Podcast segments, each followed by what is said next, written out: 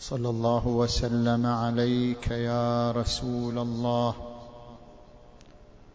وعلى أهل بيتك المنتجبين.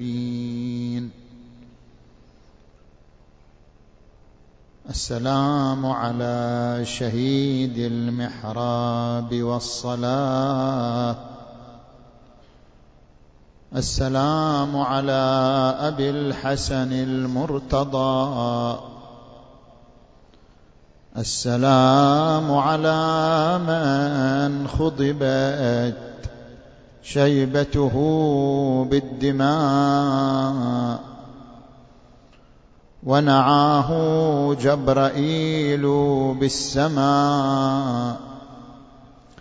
تهدمت والله أركان الهدى وانفصمت والله العروة الوثقى قتل علي المرتضى قتل ابن عم المصطفى قم ناشد الإسلام عن مصابه. أصيب بالنبي أم كتابه. أم أن ركب الموت فيه قد سرى بالروح محمولا على ركابه. بلى قضى نفس النبي المرتضى. وأدرج الليلة في أثوابه عاش غريبا بينهم وقد قضى. بسيف أشقاها على اغترابه.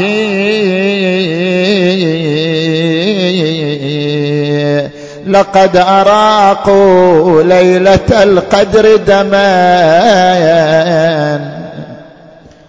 دماؤها انصببنا في انصبابه. تنزل الروح فوافى روحه.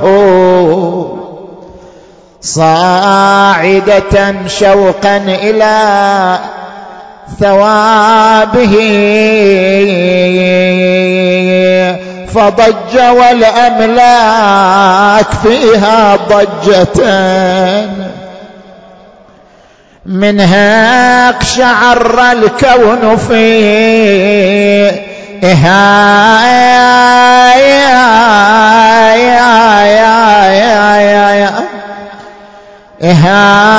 يا به وانقلب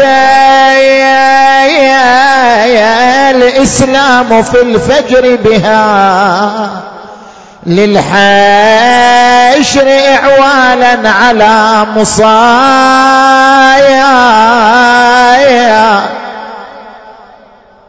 مصايا به. يا يا يا قتلهم من لم يكن. تقبل طاعات الورى إلا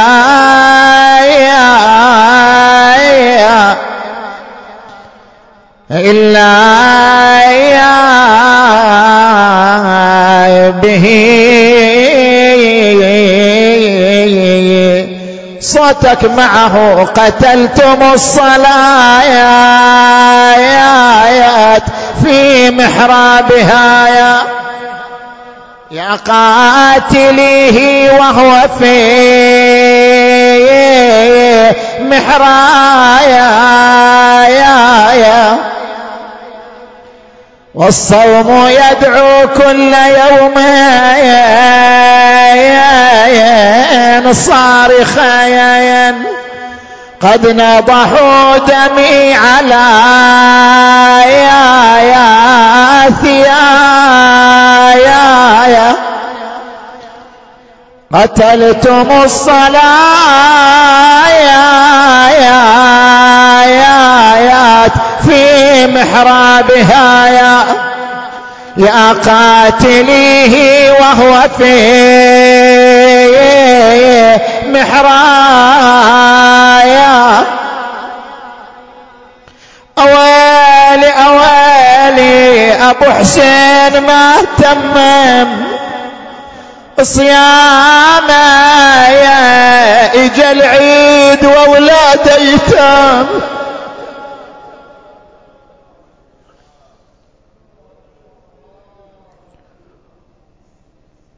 أعوذ بالله من الشيطان الغوي الرجيم. بسم الله الرحمن الرحيم.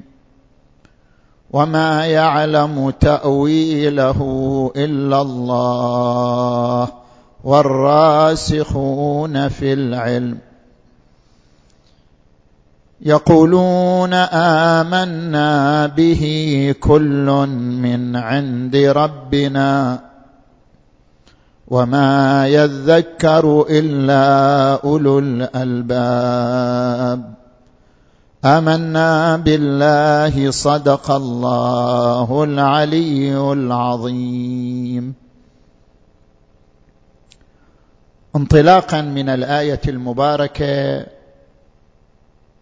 نتناول ثلاثة محاور. في الفرق بين التفسير والتأويل وفي علاقة الإمام علي بالقرآن تفسيرا وتاويلا وفي علاقة الإمام علي بالذكر. نأتي للمحور الأول. هناك عنوانان يردا في ألسنة المفسرين والمحدثين. عنوان التفسير وعنوان التأويل. ما هو الفرق بينهما؟ الدكتور نصر حامد أبو زيد في كتابه فلسفة التأويل في دراسة التأويل عند محي الدين بن العربي. يقول لا فرق بين التفسير والتأويل. الفرق بين التفسير والتأويل اصطلاح متأخر اصطلاح حادث.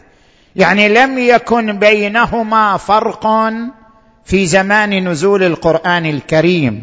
بعدين جاء هذا الاصطلاح. ولكن عندما نرجع إلى الآيات القرآنية وإلى الروايات الواردة عن الإمام علي عليه السلام نجد أن هناك فرقا بين عنوان التفسير وعنوان التأويل. لاحظوا عنوان التفسير ورد في القرآن مرة واحدة في قوله تبارك وتعالى ولا يأتونك بمثل إلا جئناك بالحق وأحسن تفسيرا.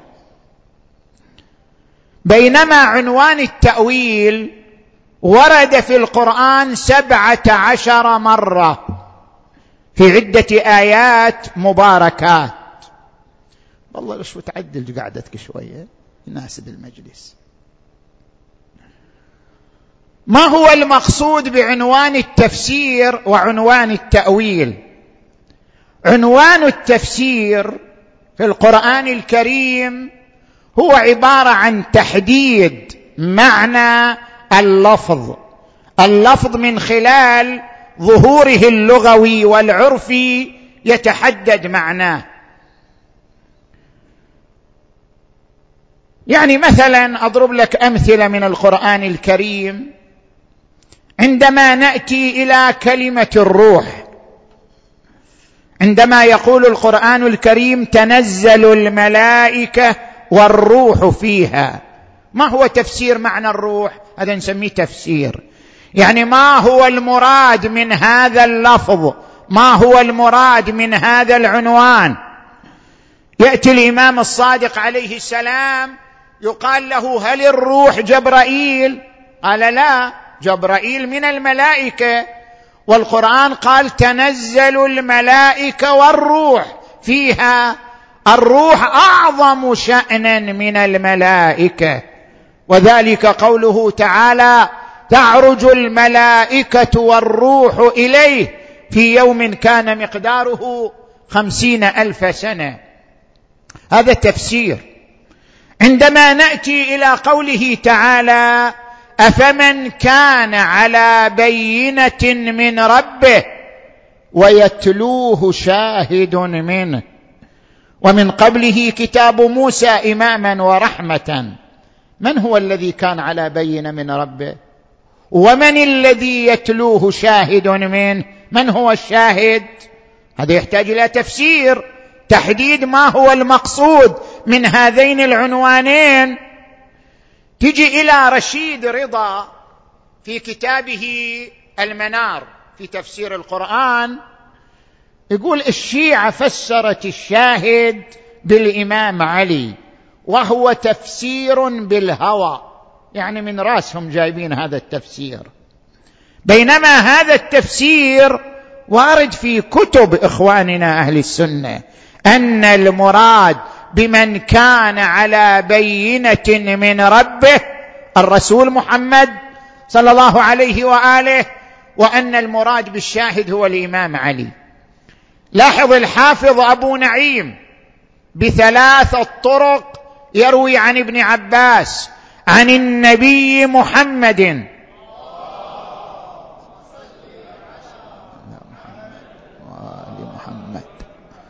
قال أفمن كان على بينة من ربه أنا ويتلوه شاهد منه علي بن أبي طالب.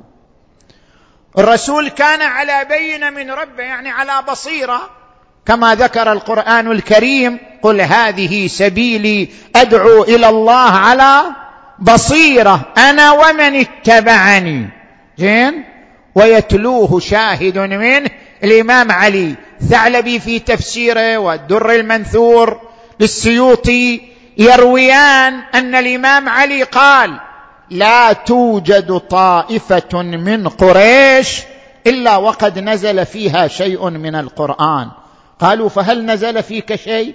قال أما قرأتم قوله تعالى أفمن كان على بينة من ربه ويتلوه شاهد منه فمن كان على بينة من ربه هو حبيبي رسول الله وأما الشاهد الذي تلاه فهو أنا.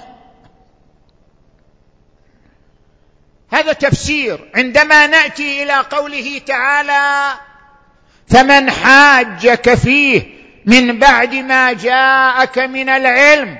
وقل تعالوا ندعو أبناءنا وأبناءكم ونساءنا ونساءكم وأنفسنا وأنفسكم ثم نبتهل فنجعل لعنة الله على الكاذبين.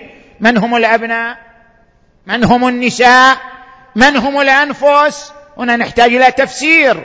نرجع إلى الرواية اتفق المؤرخون من كل المذاهب الإسلامية لما باهل رسول الله نصارى نجران خرج وبيده اليمنى الحسن وبيده اليسرى الحسين وخلفه فاطمة وخلف فاطمة علي وقال أسقف نصارى نجران لا تباهلوهم فتهلكوا إني لأرى وجوها لو أقسمت على الله أن يزيل جبلا لأزاله بها. فلا تباهلوهم فتهلكوا. اذا الأولاد حسن والحسين. النساء فاطمة ولم يخرج غيرها من نساء رسول الله. والنفس علي بن أبي طالب. يعني القرآن يرى عليا نفس رسول الله صلى الله عليه وآله. من نجي إلى التأويل هذا التفسير تحديد معنى اللفظ. الوارد في الآية. من نجي إلى التأويل. التأويل هو عبارة عن فك الشفرة. شلون يعني فك الشفرة؟ يعني الآن من تجي لمجموعة من الآيات القرآنية اللي تتناول كلمة التأويل. مثلا قوله تعالى كذلك يجتبيك ربك ويعلمك من تأويل الأحاديث. يوسف كان ماهرا في تأويل الأحلام والأحاديث.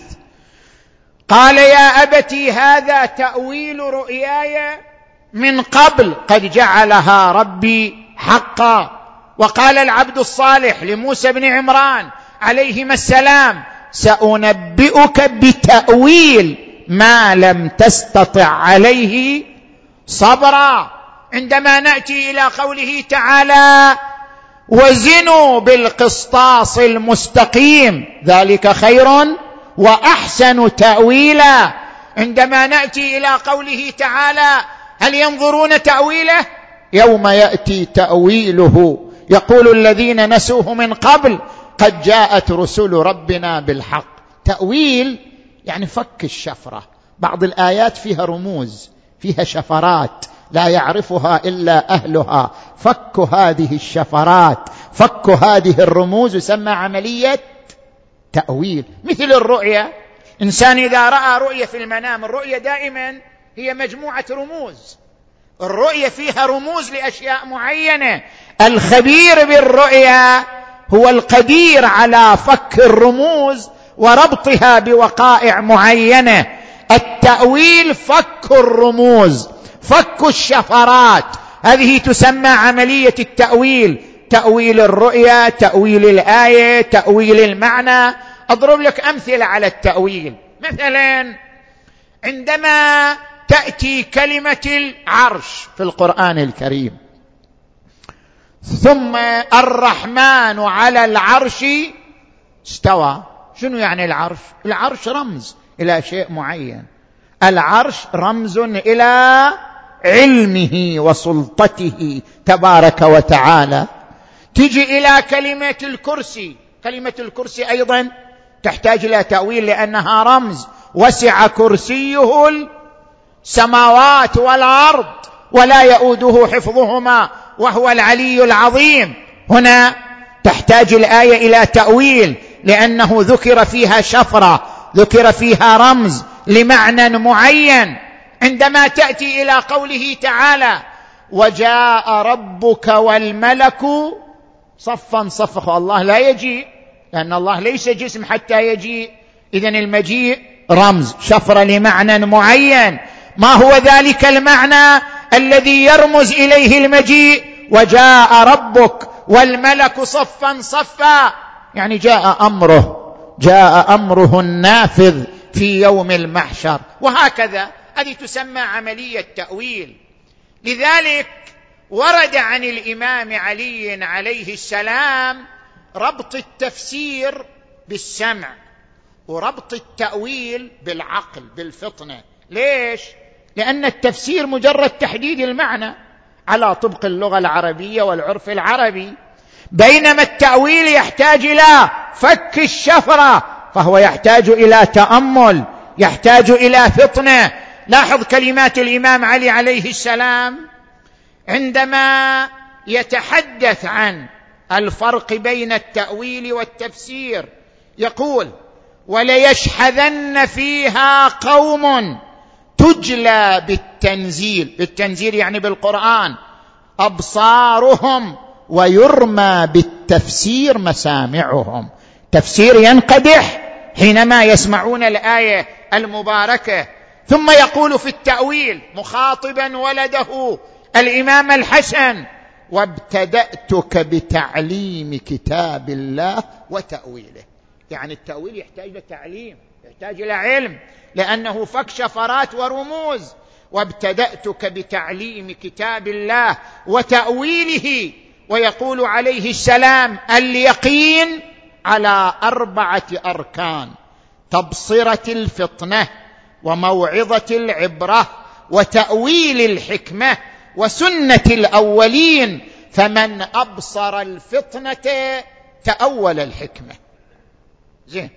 بعد أن عرفنا الفرق بين التفسير والتأويل نجي إلى المحور الثاني من حديثنا. صلوا على محمد وآل محمد.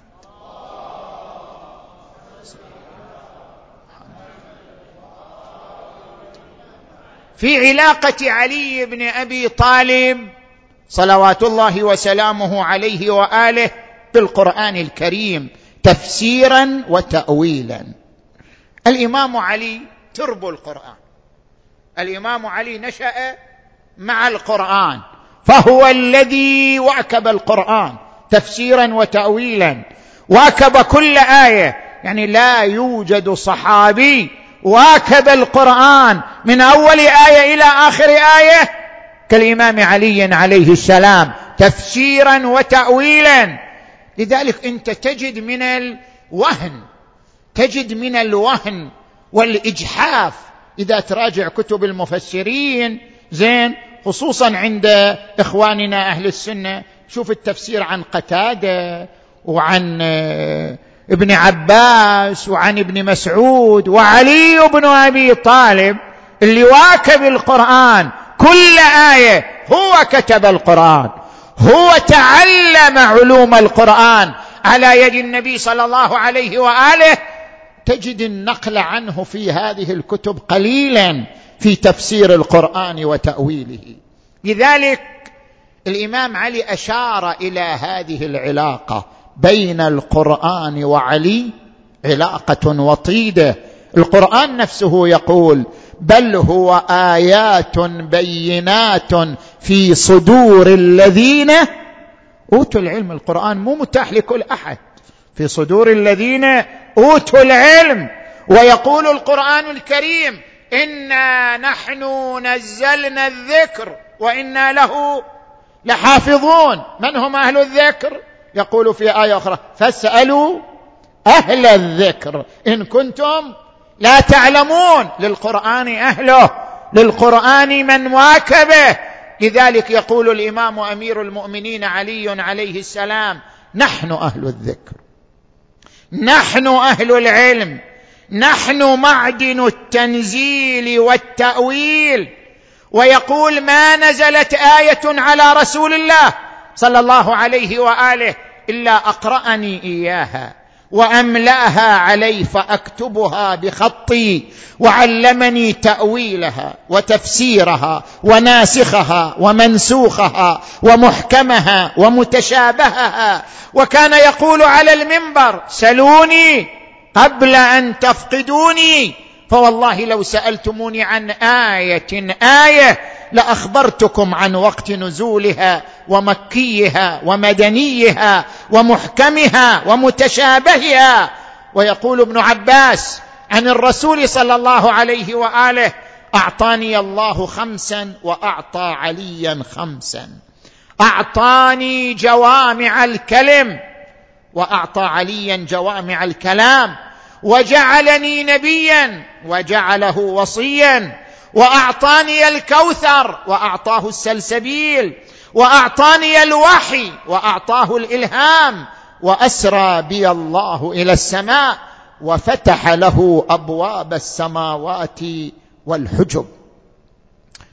عندما تجي إلى النساء النساء عند كتاب خصائص أمير المؤمنين. ترى النساء مع أنه من علماء إخواننا أهل السنة لكن لأنه كان يصدح بفضائل الإمام علي اجتمعوا عليه وداسوه في بطنه حتى قتلوه لأنه كان يخبر ويحدث عن فضائل الإمام أمير المؤمنين علي عليه السلام. النسائي في كتابه خصائص أمير المؤمنين صفحة 166 ينقل عن أبي سعيد الخدري قال خرج علينا رسول الله صلى الله عليه وآله وبيده نعله وسلم النعل إلى الإمام علي حتى يخصف النعل. كان منقطع يخصفه الإمام علي. يعني خيطة. زين؟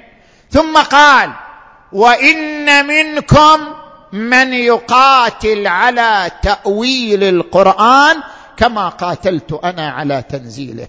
مثل ما أنا دافعت عن القرآن يجي واحد من بعدي يدافع عن تأويل القرآن. فقال فلان أنا يا رسول الله؟ قال لا. قال فلان أنا يا رسول الله؟ قال لا. قال اذا من؟ قال خاصف النعل. وأشار إلى الإمام أمير المؤمنين علي عليه السلام. نجي الآن إلى شواهد. كيف نستشهد حتى من كتب إخواننا أهل السنة على العلاقه الوثيقه الوطيده بين علي والقرآن الكريم. كيف أن عليا واكب القرآن تفسيرا وتاويلا؟ الآن أذكر لك عدة شواهد ذكرها المؤرخون والمحدثون في سيرة الإمام علي عليه السلام. تجي إلى هذه الشواهد التي تتحدث عن مواكبة علي للقرآن تفسيرا وتاويلا. لاحظ. رفعت إلى الخليفة امرأة حامل قيل أنها قد زنت جاءوا بها إلى الخليفة. أمر الخليفة برجمها فقام الإمام علي عليه السلام وقال له هب لك سبيل عليها. فأي سبيل لك على ما في بطنها؟ وهي حامل في بطنها إنسان. ما يجوز رجمها مع وجود الإنسان في بطنها. هب لك سبيل عليها. فأي سبيل لك على ما في بطنها؟ والله تعالى يقول ولا تزر وازرة وزر أخرى. زين. تجي إلى الشاهد الثاني. تزوج رجل امرأة من جهينة قبيلة جهينة فولدت له ولدا بعد ستة أشهر من الزواج ولدت ولدا. طبعا هذا أمر غريب يعني أمر نادر. أن تلد المرأة بعد ستة أشهر فقط فانطلق زوجها فجاء بها إلى الخليفة. قال هذه بعد ستة أشهر ولدت. اذا هذا معناه أنها زنت قبل الزواج فأمر بها أن ترجم. فبلغ ذلك الإمام عليا فسارع إلى الخليفة حتى وصل إليه. قال ما تصنع؟ ليس ذلك لك. يعني الرجم ومن صلاحيتك أن تقيمه. قال لماذا؟ قال لأن الله تبارك وتعالى يقول وحمله وفصاله ثلاثون شهرا. وقال في آية أخرى والوالدات يرضعن أولادهن حولين كاملين. فإذا نسقط حولين أربعة وعشرين شهر من ثلاثين شهرا تبقى مدة الحمل كم؟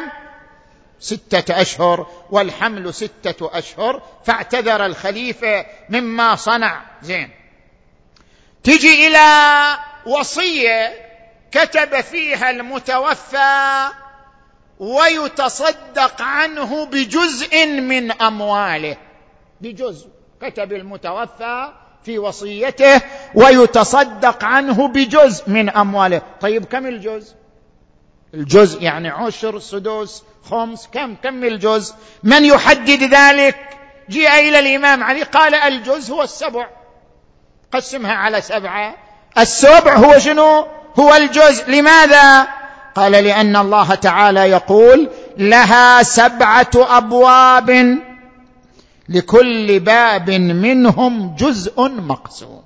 قسمها سبعة جعل مقابل كل باب جزء اذا الجزء يساوي واحد على سبعة. زين. أيضا جيء له بشخص أوصى أن يصام عنه حين من الدهر. صوموا عني حينا من الدهر. يعني شنو حينا من الدهر؟ شهر شهرين سنة. شلون يعني حينا من الدهر؟ من الذي يحدد ذلك؟ الإمام علي عليه السلام قال يصام ستة أشهر. قيل من أين عرف؟ قال من قوله تعالى تؤتي أكلها كل حين بإذن ربها. وهذه الشجرة لا تؤتي أكلها إلا كل ستة أشهر. فعرفنا أن المراد بالحين شنو؟ ستة أشهر. عندما يأتي ويرد المضامين إلى القرآن الكريم. قال علي عليه السلام من أعطى ثلاثا أعطي ثلاثا. من أعطى الشكر أعطي الزيادة. ومن أعطى التوكل أعطي الكفاية. ومن أعطى الدعاء أعطي الإجابة. قيل من أين؟ قال من قوله تعالى من أعطى الشكر أعطي الزيادة. وذلك قوله تعالى لئن شكرتم لأزيدنكم ولئن كفرتم إن عذابي لشديد. ومن أعطى التوكل أعطي الكفاية. وذلك قوله تعالى ومن يتوكل على الله فهو حسبه. ومن أعطى الدعاء أعطي الإجابة. وذلك قوله تعالى ادعوني أستجب لكم إن الذين يستكبرون عن عبادتي سيدخلون جهنم داخرين. وذكر الرضي رضوان الله عليه في خصائصه. قال أمير المؤمنين ثلاث خصال مرجعها على الناس. يعني أكو بعض الأفعال ترتد عليك بعاقبة سيئة إذا فعلتها. ثلاث خصال مرجعها على الناس في كتاب الله. البغي والنكث والمكر. قال تعالى يا أيها الناس إنما بغيكم على أنفسكم. إذا تظلم شخص يعود الظلم عليك مرة أخرى. زين؟ وقال تعالى ومن نكث فإنما ينكث على نفسه. لاحظوا اثنين من الصحابة بعد أن استلم الإمام علي الخلافة بايعاه. بعد البيعة دخل على الإمام علي البيت وقال له نريد نريد من الخراج. قال لا أعطيكما من بيت مال المسلمين إلا إذا جمعت الناس فرضي الناس بذلك. فأبيا عليه وأثناء الخروج قال نحن ما بايعناه بقلوبنا وإنما بايعناه بألسنتنا. يعني إحنا نقدر نتخلص من هذه البيعة التي بايعناه بها. فسمع الإمام علي ذلك فقرأ الآية إن الذين يبايعونك إنما يبايعون الله يد الله فوق أيديهم ومن نكث فإنما ينكث على نفسه فمن أوفى بما عاهد عليه الله فسيؤتيه الله اجرا عظيما. زين. وقال تبارك وتعالى ولا يحيق المكر السيء إلا بأهله. اذا الإمام علي مع القرآن نوع من التوأمية نوع من العلاقة الوطيدة بينه وبين القرآن الكريم. نجي إلى المحور الثالث من حديثنا علاقة علي بالذكر علاقة علي بالسماء. صلوا على محمد وآل محمد.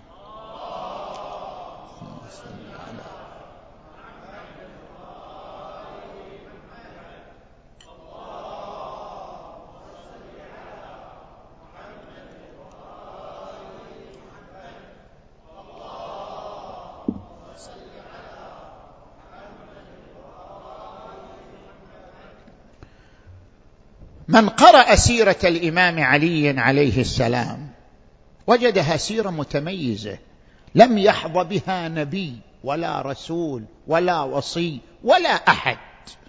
بدأ حياته ببيت الله وختم حياته ببيت الله.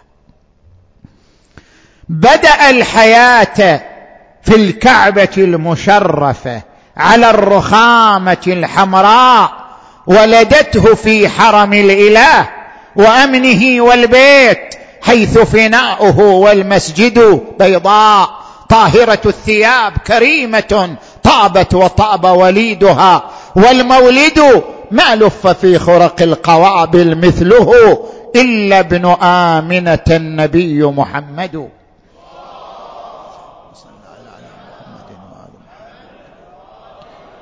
ويقول عبد الباقي العمري أنت العلي الذي فوق العلا رفع ببطن مكة وسط البيت إذ وضع وأنت أنت الذي حطت له قدم في موضع يده الرحمن. قد وضع سمتك أمك بنت الليث حيدرة أكرم بلبوة ليث أنجبت سبعا الإمام علي تربى في كنف رسول الله. صلى الله عليه وآله. ولقد تحدث عن هذه الفترة الفترة المهمة في حياته أنه عاش طفل بين يدي رسول الله صلى الله عليه وآله. قال لقد علمتم موضعي من رسول الله بالقرابة القريبة والكبير بين الملا يا أبتاه أبا حزننا عليك عظيم. فتح عيون المرتضى وبطل ونينه والتفت لاولاده وصد لهم بعينه قال لهم كلامي يا أولادي تسمعونه لازم حسن وحسين من بعدي يضيعوا جني بشبل الحسن فوق الفرش نايم. بالسم كبده مقطعة وحول الفواطم. والكل ذابت مهجته والدمع ساجم. والحسن يتقلب وأخوه حسين محزون. بعد بعد من الوصايا ها وأما المصيبة اللي تزلزلها الوطية. أقولها لكم ها وأما المصيبة اللي تزلزلها الوطية مصيبة عزيز حسين برض الغار غاضرية كني أشوف على الثرى طايح رمية من حوله الشبان بالغبراي والنور وتحسر يا ويلي صاحب النفس العطوفة. وصدنا ده زينب مش يقول لزينب وصدنا ده زينب ودمعاته ذروفة. كني اشوفك حايرة بوسطة الكوف. ويا اليتامى على الهزل كلهم ينوحوا. قالت أجل يا أبوي من وصيت بي؟ بانت يا أبوي أول الذل علي. عظم الله أجوركم فلما حان حينه قال أهل بيتي أستودعكم الله والله خليفتي عليكم. هذا أخي جبرائيل ينتظرني. وهذا حبيبي رسول الله يستقبلني وهذه أمكم فاطمة تنظر إلي. أهل بيتي في أمان الله أهل بيتي في داعة الله لمثل هذا فليعمل العاملون. كاني بكم وقد خرجت عليكم الفتن من ها هنا وها هنا. أما أنت يا أبا محمد فتموت مسموما مظلوما. وأما أنت يا أبا عبد الله فشهيد هذه الأمة تذبح ذبح الشاة من قفاك عطشانا ظمآنا وأما أنت يا زينب فمسبية مهدية. صرخت وضيعتاه وابتاه وعلياه عظم الله أجوركم. ثم قال بني حسن إذا أنا مت فغسلني. وكفني وحنطني ببقايا كفن رسول الله فإن جبرائيل نزل من الجنة بكفن على رسول الله وقسمه أربعة أقسام قسم لجدك المصطفى وقسم لأمك الزهراء وقسم لأبيك المرتضى والقسم الرابع لك أيها المجتبى. عجيب عجيب زينب تسأله أبا قطعت قلبي. أبا تقول الكفن بس أربع أقسام. تقول القسم الأخير للحسن أخي الحسين أليس له كفن؟ قال بني زينب تعزي بعزاء الله كأني به صريع على الثرى بلا غسل ولا كفن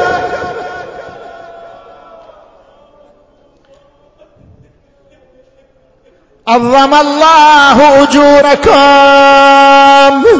ثم مد يديه ورجليه وغمض عينيه.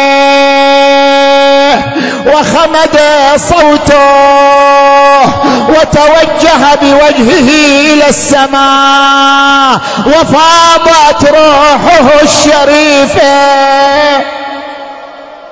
أنا مناد وإماما ضجت العائلة وأبتاه ضجت الكوفة وسيدا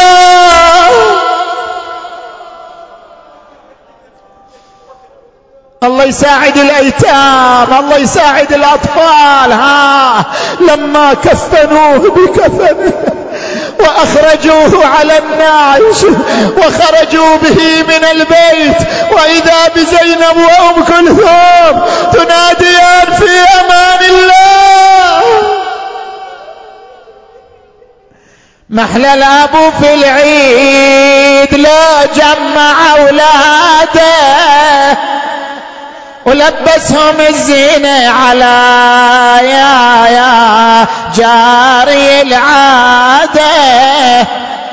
ورفرف عليهم بالهنا طير السعى طيب القلب وتصير عيشتهم هنية. وانتو يا زينب وإحنا ابونا قبل عيد بتسعتي سافر وخلانا يا يا وصرنا بعدها وعيادنا راحت وصار العيد بالشام. باكر الناس معيدة يا يا وإحنا بعزي والله لا قط العيد باكر وسط البرور وامشي ونادي وين؟ داحي الباب مقبور. واقعد على قبره وهل الدمع منثور. وابكي على أبونا الذي عشنا بفيه ويلي وتهيج أحزاني علي خطبة العيد. باكر تمر الخلق كلها المسجد تريد. ولا أشوف وياهم علي وأحزاني تزيد ويذوب قلبي ولا يظل بي بقية. قتلتم الصلاة في محرابها يا قاتليه يا الله. اللهم بحق هذه الليلة المباركة. إحدى ليالي القدر. بحق أمير المؤمنين وسيد الوصيين. اللهم اغفر ذنوبنا واستر عيوبنا وكفر عنا سيئاتنا وتوفنا مع الأبرار. اللهم اشف مرضانا ومرضى المؤمنين والمؤمنات واقض حوائجنا وحوائجهم. اللهم لا تدع لنا يا رب في هذه الليلة المباركة ذنبا إلا غفرته. ولا عيبا إلا سترته ولا كربا إلا كشفته ولا هما إلا فرجته ولا مرضا إلا شفيته ولا خوفا إلا أمنته ولا غائبا إلا حفظته وأدنيته ولا حاجة من حوائج الدنيا والاخره لك فيها رضا ولنا فيها صلاح إلا قضيتها ويسرتها. برحمتك يا أرحم الراحمين. أفضل الأدعية في هذه الليلة الدعاء لولي الأمر. قوموا قائمين وادعوا بهذا الدعاء. اللهم صل على محمد وآل محمد. اللهم كن لوليك الحجة ابن الحسن. صلواتك عليه وعلى آبائه. في هذه وفي كل وليا وحافظا وقائدا ودليلا حتى تسكنه أرضك طوعا. وتمتعه فيها طويلا. برحمتك يا أرحم الراحمين. وإلى أرواح أمواتكم وأموات المؤسسين والمؤمنين والمؤمنات الفاتحة تسبقها الصلوات. اللهم صل على محمد وآل